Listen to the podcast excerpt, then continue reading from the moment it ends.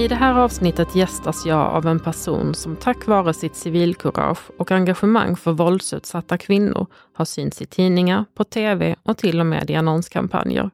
Chansen att du någon gång det senaste året har sett sjuksköterskan Louise Frank är ganska stor. Nu får du också höra henne berätta om sitt arbete. Det var fint. Jag blir nästan lite rörd. Ja. Roligt att ha dig här. Tack, tack för att jag får vara här. Du är sjuksköterska här i Lund. Berätta, Exakt. var arbetar du någonstans? Ja, just nu är jag föräldraledig, eh, så jag arbetar ingenting just nu. Men eh, tidigare jobbade jag på gynakuten.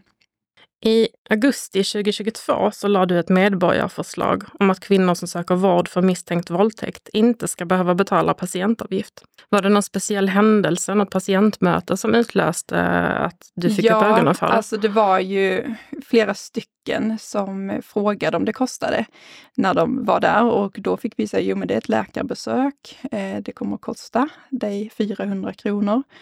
Eh, och många, de som kommer in med polis och sådär, då hade man sagt att de eh, skulle vara gratis. Men det är många som inte kommer med polis eh, och ska lämna spårsäkring. Och spårsäkringen är ju väldigt viktig för om man ska få fatt i gärningsman eller gärningsmän. Mm. Eh, så att, det var ju flera stycken som faktiskt vände i dörren och valde att inte gå med på undersökningen och då även inte få vaccinationer och kolla graviditetstest. Alltså hela uppföljningen missades och, Mm. och, och liksom man fångar inte upp de här kvinnorna då från sjukvårdens håll bara för att de inte ville eller kunde betala. Och de som inte kom med polis då, är det människor som inte har anmält våldtäkten? Exakt. Det är ju väldigt vanligt att man inte vill eh, anmäla.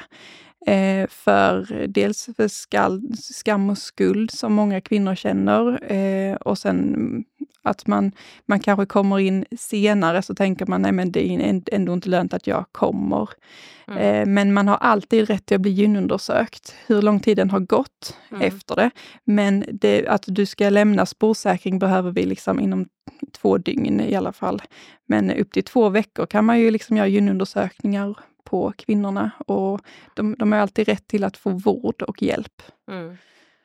Så om man går och funderar på om man ska anmäla eller inte så kan Mm. man bli undersökt Mm. och få in det i sin journal och sen ta ett beslut. Absolut, och om det då finns också blåmärken eller alltså några fysiska eh, skador så är det jättebra att man kommer till sjukvården så att det dokumenteras. Sen har man två år på sig att eh, göra en anmälan. Dessa kitten sparas eh, i två år på kliniken och väljer man att anmäla så kontaktar man polisen då inom dessa två åren så kommer polisen och hämtar de kitten hos oss. Mm. Så det är någonting eh, så känner man sig redo för att anmäla då så har man alltid två år på sig från det att man var och lämnade eh, spårsäkringen. Mm. Vilken typ av vård är det man behöver efter att ha varit utsatt för ett övergrepp? Det är väldigt olika. Det beror också på om det är någon form av fysisk misshandel eh, i eh, övergreppet. Eh, också, eh, och då kan man ju behöva, alltså du kan ju ha brutna ben eller du kan ju ha blivit alltså, väldigt skadad, inre blödningar och allt Mm. därtill. Så det är ju väldigt från fall till fall. Eh, men det är ju ofta är det ju ett psykiskt eh, ja, psy- psykiskt trauma för patienten som det har varit. Så det är mycket omhändertagande av kvinnan. Och det är ju ofta att kvinnan är i en relation med den som har förgripit sig på henne. Mm. Eller har någon slags relation till det. De här eh, överfallsvåldtäkterna är inte särskilt vanliga. Mm. Eh, och då kanske man behöver stöttning om man vågar lämna eller vill lämna. Eh, har man barn som är under 18, då måste vi från sjukvårdens håll göra en orosanmälan. Eh, och vi är inte där för att skuldbelägga någon kvinna, vi är där för att vilja hjälpa dem Mm. eh, och ta sig ur det här traumat. Och det här och psykologiska stödet du pratar Mm. om, är det någonting ni erbjuder också? Ja, precis. Vi har en jättebra, eller vi har flera bra kuratorer på kvinnokliniken, men en som jobbar specifikt med dessa frågorna. Så är man, kommer man in en vardag så brukar vi kontakta henne direkt. Så hon kommer ner och har ett första samtal med kvinnan, om de nu vill det. Men vi brukar ändå rekommendera att man bara ventilerar med någon professionell. Och sen har hon, kan hon ha egna uppföljningar med kvinnan eller liksom guida dem vidare vad de ska vidare sen. Mm. Eller om de vill ha mer hjälp. Vad blir konsekvenserna om man inte får hjälp efter att ha varit utsatt för ett övergrepp? Ja, eh, alltså tyvärr har vi flera personer som har kommit flera gånger. Eh, alltså om man nu lever i en toxisk relation eller inte kan ta sig ur en relation som är så skadlig för en, där man mår så dåligt, så kommer de ju flera gånger. Och vi har ju tyvärr en trend i Sverige där fler kvinnor mördas varje år av att man har blivit mördad av någon i en nära relation. Eh, och det kan ju det tyvärr sluta på det sättet, att slag och sen våldtäkt och sen så blir det för många slag eller och sen så försvinner dessa kvinnor och det, det är helt fruktansvärt. Eh, så att ja, nej, jag, jag tycker att vi, vi, vi i sjukvården måste verkligen vara så bra på att fånga upp dessa kvinnor som lever i relationer där, där våld förekommer och, och hitta dem. Eh, för att det är tyvärr väldigt, väldigt vanligt. Mm. Hur mycket pratar ni om det sinsemellan? Just att hur man bemöter en kvinna som man misstänker har blivit ja, utsatt för våld. Precis. På, eh, på gynenheten här i Lund och i Malmö så ställer man alltid frågan till alla som kommer till gynakuten om de är utsatta för våld i nära relation eller har tidigare varit utsatta. Det är väldigt vanligt att man säger att man tidigare har eh, varit utsatt. Och då brukar vi fråga vilken typ av våld det är. Eh, om det är fysiskt, psykiskt eller sexuellt eller en blandning och sådär. Eh, det är väldigt vanligt att det är alla tre. Mm. Eh, och så frågar man lite om man har fått hjälp att bearbeta det. Och har de inte det så brukar vi ge vår kurators visitkort, för då kan hon, även om det inte är aktuellt, kan hon hjälpa dem liksom var de kan söka vidare vård och hjälp för att bearbeta sitt trauma. Mm. Eh, men många, vi upptäckte ju också det att många sa tidigare, för att man vill inte säga att det är pågående. Eh, och sen så när vi frågade så kunde flera kvinnor säga nej, nej, jag är inte utsatt, jag har varit utsatt eller nej, jag har aldrig varit utsatt. Nej. Och sen så kom de flera gånger och mm, femte gången kanske de svarade jo, men jag är faktiskt utsatt. Det är därför jag är här. Och då, då känner jag så här att det är så viktigt att vi upp, fortsätter upprepa frågan och vi, vi, vi fick ju flera stycken, vi började med detta under, äh, när pandemin ungefär startade. Mm. Och då fick ju inte anhöriga vara med på samma sätt som de hade varit tidigare. Så det blev rätt eh, naturligt att prata om kanske lite känsliga frågor med kvinnan när anhöriga inte var med. Det var en fördel för er till och med? Exakt, det var en jättefördel för oss. Eh, för vi fick så många fler som då eh, svarade ja på frågan. Mm. Är det vanligt att partners följer med? Ja, tyvärr. Vi brukar alltid vilja prata med kvinnan först och få vad, vad är det du söker för? Eh, och aldrig anhöriga som tolkar. Vi brukar alltid ha eh, telefontolk mm. så att, det inte, så att man, man som anhörig ska inte behöva tolka till, till den som söker vård. Om, man inte, om det nu inte verkligen är ett urakut, liksom, och vi måste ha något så. Men annars så brukar vi alltid ha telefontolk eller och, och det, det, är ju kvinnan som söker vård som vi behöver veta vad det Vi behöver höra vad det hur, hur känner du? Hur mår du? Vad kan vi hjälpa dig med? Ehm, eh, och vissa anhöriga blev ju väldigt irriterade över att de inte fick följa med. Eh, men då förklarar vi bara, nej men du kan få följa med sen. Vi måste bara ha ett in, inskrivningssamtal med kvinnan först. Och sen kan du kanske få följa med om det nu inte är när, när hon ska undersökas, om hon vill det. Men det är ju liksom det är hon som bestämmer, kvinnan som ska bli undersökt, som får bestämma om vad du ska få följa med. Och sen har vi ju, det är inte en så stor enhet så att man kan inte ha anhöriga till varje patient inne på gynakuten, utan de får vänta i väntrummet i så fall. Mm. Hur ofta händer det att ni möter de här kvinnorna? Ja, alltså statistiken är ju, alltså eh, på en arbetsdag så kunde jag, varannan patient kunde säga att de eh, hade varit utsatta varannan tidigare. Varannan patient? Mm. Och det, det är ju mer än vad statistiken säger att man är eller har tidigare varit utsatt. Mm. Eh, men eh, det fanns ju dagar då jag, alltså 90 procent av mina patienter svarade ja i någon form. Mm. Eh, och, och det är alla åldrar? Då? Alla åldrar. Och det var vi väldigt tydliga med när vi drog igång detta med. Det ska liksom, alla vi frågar ska vi fråga om hot och våld. Eh, nu är gynakuten liksom från, vi tar emot ja, patienter från från vuxen ålder, men även 15-åringar och sådär. Eh, och ja, tills du det är så gammalt man blir. Liksom. Så att vi frågar alla äldre kvinnor också. För att det är många äldre som säger, när jag, jag har haft jätteproblem att gå till gynekologen i jättemånga år för att jag varit utsatt tidigt. Eller Eller har man liksom levt med någon som man inte, man inte kan, man tillåts inte vara sjuk när man är hemma kanske som kvinna. Och därför så har man inte sökt vård för vissa grejer och kommer väldigt sent. Så det, ja, det är väldigt blandat. Mm. Men tyvärr är det väldigt, väldigt vanligt. Det kan ju också ta tid själv att komma på, mm. eller att inse att det är det man är utsatt för. Exakt, absolut. Och, man, eh, och är man utsatt under en längre tid så kanske, blir, då kanske man inte tänker på att man är utsatt på samma sätt längre, för man blir liksom nedbruten i det. Och, eh, men jag, det finns ju inga kvinnor som är så modiga som alltså de kvinnorna som jag möter som har vågat svara ja och våga vilja bara ta en hand och liksom våga visa att ja, men jag vill inte må så här, jag vill inte bli behandlad så här, jag vill ta mig ur eller hjälp mig. Det finns inga kvinnor som är så modiga som jag stött på någonsin. Och har man bara hjälpt och träffat en sån person, så alltså den, den känslan som personlig del som sjuksköterska, varför man blir sjuksköterska eller som varför jag blev sjuksköterska, för att hjälpa människor. Men när man känner att man kan hjälpa dem att hjälpa sig själva också, förstå sitt eget värde och ta sig ur något toxiskt eller våga lämna eller berätta vad man har varit med om. Det är så att man har fått det förtroendet. Mm. Det är så fint att man kan få det av olika personer, att man har gett det förtroende, eller att man har gett den tryggheten att de vågar berätta. Mm. Men vilken hjälp är det man kan få här i Lund om man berättar att man har varit utsatt eller är utsatt för Ja, våld? precis. Det är om det är akut. Om du är akut utsatt så finns det olika jourhem. Alltså om du inte kan återvända hem så finns det olika jourhem du kan eh, komma till. Vi, vi har också linjer där vi kan prata med social och sådär, man kan ringa. Och är, du, är det att du har blivit misshandlad och våldtagen och vill anmäla så kontaktar vi polis då med om nu kvinnan vill det. Eh, och man kan också bli inlagd som patient eh, på, alltså på sjukhuset om du nu har fysiska skador eller om man inte hittar något jourhem, eh, så kan man bli inlagd som patient. Så att du inte ska liksom känna att du måste gå ifrån kliniken nu och gå hem igen.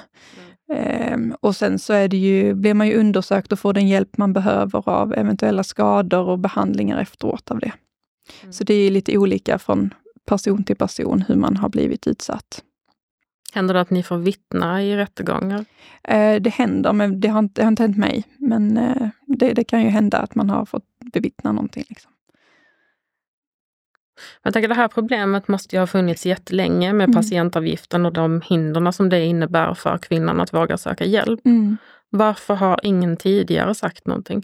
Alltså vi som jobbar i sjukvården, vi, vi jobbar så mycket med personer, vi ser så mycket som vi tycker vi vill ändra på, men det är så svårt att ändra saker i regionen på en golvnivå. Liksom som, nu har jag varit undersköterska innan detta, jag blev sjuksköterska och liksom man känner att man skriker in i ett vakuum vissa dagar. Typ. Det är ingen som hör mig, ingen som ser mig. Eh, och därför tror jag också att många, man går till jobbet och man sliter så mycket och man, man orkar liksom inte ta en större fight eller ifrågasätta det sen. Men så du lyfter det med dina chefer, mm. de lyssnar inte. Då kommer du på att du kan lägga det här Skåneförslaget mm. istället. Och vad hände då efter att ni hade postat? Ja, eh, nej men det var, då, då hade ju SVT hört talas om detta, eller de såg förslag. Man, kan ju, mm, man kunde då gå in och se alla förslag som fanns i Skåne. Och då var SVT var snabba och Sydsvenskan var snabb på att liksom göra en intervju med oss och sen spred det sig och sen så fick politikerna reda på det och sen så kontaktade politikerna vår eh, chef, eh, verksamhetschef där då, eh, eller områdeschef är hon nu, Pia Teleman. Eh, och då hade de en dialog för att för politikerna var ju detta också något nytt. Men tyvärr är vi inte riktigt i hamn än här, för att politikerna klubbade ju också om att alla besök ska inte vara gratis i Region Skåne. Eh, utan du har tre besök som är gratis. Enligt våra PM i gynakuten eller på gyn hela, så har, är det fyra besök som vi rekommenderar där man har då både eh, om man tar spårsäkring och får hepatit och tar eh, blodsmittscreening och eh, graviditetstest och så, då är det fyra besök. Eh, nu tappar vi väldigt många, det är inte så många som kommer tyvärr på sina återbesök och det kan ju vara för att det är jobbigt att ta sig tillbaka eh, till gynakuten, för det är ju en väldigt utlämnad situation, en utlämnad undersökning och kan vara jättetraumatiskt för kvinnan att, eh, att vara där och bli undersökt och komma tillbaka. Men de som väl kommer tycker jag, de ska ju få allt det som rör händelsen till varför de kom från början. Det ska ju vara gratis, tycker jag. Hur var det för dig att gå från den här miljön till att plötsligt vara i radio, tv, och tidningar och på galor? ja, precis. Eh, nej, jag har ju inte blivit mediatränad. jag vet inte. jag, eh, men jag, jag brinner så mycket för dessa frågorna, så jag tycker inte det är särskilt jobbigt att stå upp och prata om dessa, dessa frågor, för att för mig eh, är det så, så viktigt och en självklar del att prata om.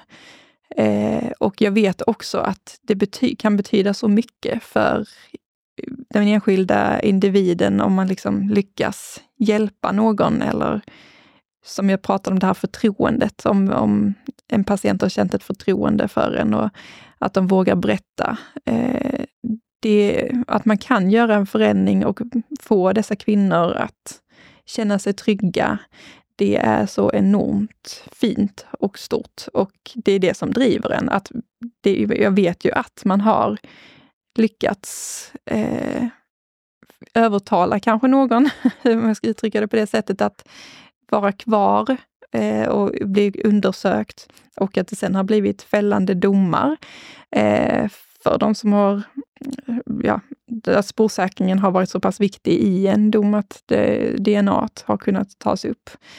Men att det är så viktigt att, att man vågar söka hjälp och få hjälp.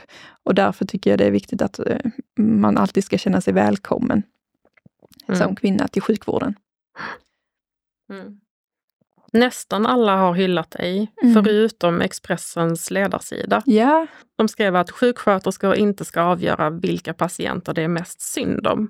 Så vad säger du till människor som undrar varför en våldtagen kvinna ska slippa betala, men inte till exempel en skottskadad man? Alltså jag lägger inga värderingar i att eh, de inte ska få betala. Jag har bara valt att driva denna frågan eftersom att det var där jag jobbar med detta. Jag jobbar inte med skottskadade män. En tanke som slog mig var ju att de skottskadade männen går ju inte hem och, och uh, går och lägger sig i samma säng som sin gärningsman på kvällen Exakt. sen heller. Nej, och det vi gör också på Gynnak, alltså då, som jag pratade om innan, spårsäkringen, eh, att eh, det kan ju vara avgörande i en rättegång, alltså om du har DNA-bevis. Eh, det eh, är ju kanske inte heller alltid när du kommer in på stora akuten, liksom, akutmottagningen och att det är så avgörande bevismaterial som vi gör under undersökningar av fångar, som kan ha sån stor betydelse senare. Eh, så det är också en annan grej som jag tycker om, om du inte söker vård för att du är rädd eller att du blir fakturerad för någonting som om du lever med en gärningsperson, att du får faktura hem från kvinnokliniken och du blir ifrågasatt, vad har du gjort där? Om du då väljer att inte komma dit för att inte lämna DNA eller bevis och bli undersökt, så är det ju jättehemskt. Eh, så det är därför man känner att, eller som jag känner att eh, jag ville driva detta. Mm. För att få kvinnor att våga söka, om de nu vill anmäla för att få fast de som skadar dem. Mm. Du står också bakom ett annat smart initiativ för att hitta kvinnor som behöver hjälp. Där man när man lämnar sitt urinprov kan sätta ett kryss på koppen om man har varit utsatt för våld. Precis. Det började ju lite i samband, eh, jag och min eh, kollega eh, Bernice, eh, när vi skulle införa det här och fråga alla kvinnor om hot och våld, så införde vi det här då med att eh, Eh, Eh, för alla, nästan alla kvinnor på, eh, som, kom, som söker till gynakuten lämnar ett urinprov. Man kollar om man har urinvägsinfektion eller om man är gravid. Alla åldrar nästan gör vi det på. Eh, och då, eh, då är du ju själv på toaletten.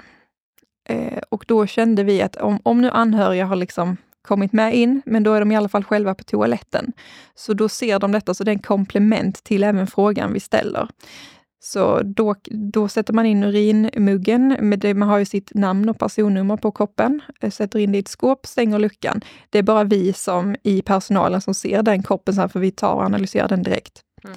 Gör man då ett rött kryss på muggen, eh, så eh, så står det för att du vill prata med oss i en rum eh, och eh, att du är utsatt eller rädd för någon i din närhet. Och den här informationen, ligger den då bredvid koppen eller hur mm, berättar mm, ni det för kvinnor? Ja. Den är på toaletten, på, som ut just nu på gynakuten, så är den eh, på svenska, engelska och arabiska eh, bredvid skåpet där du ställer in koppen. Och där är även en röd penna då bredvid. Mm. Så koppen får du av oss i personalen, så, får du, så visar vi toaletten och var du ska gå in och lämna det och vilken lucka du sätter in det i. Och sen så väntar vi på att du lämnar urinprovet. Så det är ett komplement till frågan vi alltid ställer. För det kan ju vara att kvinnan har sagt nej. Mm. Och sen har man kanske aldrig fått frågan. Sen så går man in på toaletten och så kanske man eh, ser dessa lapparna också och då gör ett kryss. För att man, man kanske skäms och man vill inte säga det. Man kanske inte vill yttra det högt. Mm. Hur kom du på den här idén? Eh, jag såg det faktiskt på Instagram. Jag fick upp Eh, det i mitt flöde eh, av ett sjukhus i England. Eh, nu minns inte jag vilket sjukhus det var, men jag och då min kollega Bernice jobbade en kväll på gynakuten och så visade jag detta för henne. Jag bara, detta borde vi införa här med. Och det är ju lätt att fixa. Så vi, vi satt där på kvällen mellan patienterna och skrev en lapp eh, som vi satte upp. Och vi fick ju några röda kryss efter det och då kände vi detta, det är ju så viktigt att vi faktiskt, för det inspirerade ju många av våra andra kollegor till att det är viktigt att vi faktiskt ställer frågan också, om vi bara kan få några som gör kryss på muggen. För det är mycket vanligare att folk svarar på frågan än att de gör det här krysset på muggen. Men det finns ju de som gör det här krysset på muggen och då är det, har man gjort den ena eller den andra så är det liksom det är ett bra komplement till frågan. Det kostar inte regionen någonting att vi gjorde detta. Det, men vi, vi, vi fångar så mycket. Mm. Eh, det, det, ja, nej, jag, jag, jag tycker att det, det är någonting som, som fler borde fler, vårdcentraler framförallt också, där många kvinnor som är våldsutsatta söker. Mm. Eh, som borde införa det som standard. Hur länge har du jobbat inom vården? Oj, ja. Eh, jag, jag eh, är ju 27 nu och jag läste till undersköterska på gymnasiet. Eh, så ja, vad blir det? Eh, åtta år. Sen har jag fött två barn här emellan nu. så nu är jag föräldraledig. Men eh, ja. Vad var det som fick dig att vilja bli sjuksköterska från början? Ja, ehm, jag är ju stora syster så jag har, eh, det är fem och sju år mellan mig och mina syskon. Och har väl alltid känt en sån här eh, omvårdnadsroll, att det föll mig rätt naturligt, rätt tidigt. Och sen min mormor är en jättestor inspirationskälla i mitt liv och hon har varit undersköterska eh, inom hemtjänsten och alla älskade henne. Jag och min morfar, vi hämtade henne rätt många gånger på kvällarna när hon slutade jobbet. Och eh, hon berättade om sin dag. Hon fick så här gåvor av vårdtagarna. De hade bakat till henne och, och hon såg när de träffade henne på stan. Alltså hon var liksom typ en hjälte. Bara för att hon hade gett dem någon extra tid eller hon kunde åka på sin fritid och fika med vissa av sina vårdtagare, för hon visste de satt själva. Alltså hon var en så himla, eller hon är en sån himla, himla fin människa. Och det inspirerade mig så, tänk om man kan ha en sån betydelse i sitt jobb. Att man också kan känna den stolthet, men också att jag kan, jag kan hjälpa någon i livet. Jag, det, så det var det var då jag bestämde mig för att söka in till omsor, om, omvårdnadsprogrammet och bli undersköterska. Och sen hade jag praktik eh, på neonatal och eh, kom in på akuten och sådär och älskade det akuta och eh, rätt snabbt där kände jag, nej men jag vill bli sjuksköterska för jag vill så småningom bli barnmorska, det är mitt mål. Mm. Eh, men jag har alltid älskat den här akutsjukvården, jobba snabbt. Eh, jobba liksom, och inte veta vad som händer, kan inte planera min dag. Jag gillar det. Jag gillar att utsättas för lite så akuta, mycket tryck. Liksom. Mm. jag, gillar, jag gillar det. Eh, så att jag har alltid varit väldigt stolt över mitt jobb och mitt yrke. Eh, samtidigt som det är väldigt tufft för att man, man träffar ju människor som är i enorm sorg och har väldigt ont eller ja, som har blivit utsatta, som har väldigt svårt. Eh, och det kan ju, och ibland så personalmässigt kan det också vara väldigt tufft att man kanske inte har så mycket personal, att man har jobbat dubbla pass eller jobbat det tredje dagen man jobbar över eller så. Så det är ju, det är ju tufft. Eh, men som sagt, jag skulle nog inte vilja göra något annat. När är det som bäst, tycker du? Ja, när är det som bäst? När det är som mest göra nästan. Nej, men när, eh, när man jobbar med kollegor som funkar på samma sätt som en eh, och det, det händer något oväntat under dagen, men man känner att man ändå hinner slutföra det man gör innan man börjar på nästa, då är det som bäst. Mm. Eh, eh, men det är, ett, det är ett jätteroligt jobb. Fortsätt göra din grej, för du verkar göra det så himla bra. Ja, tack så jättemycket. Ja.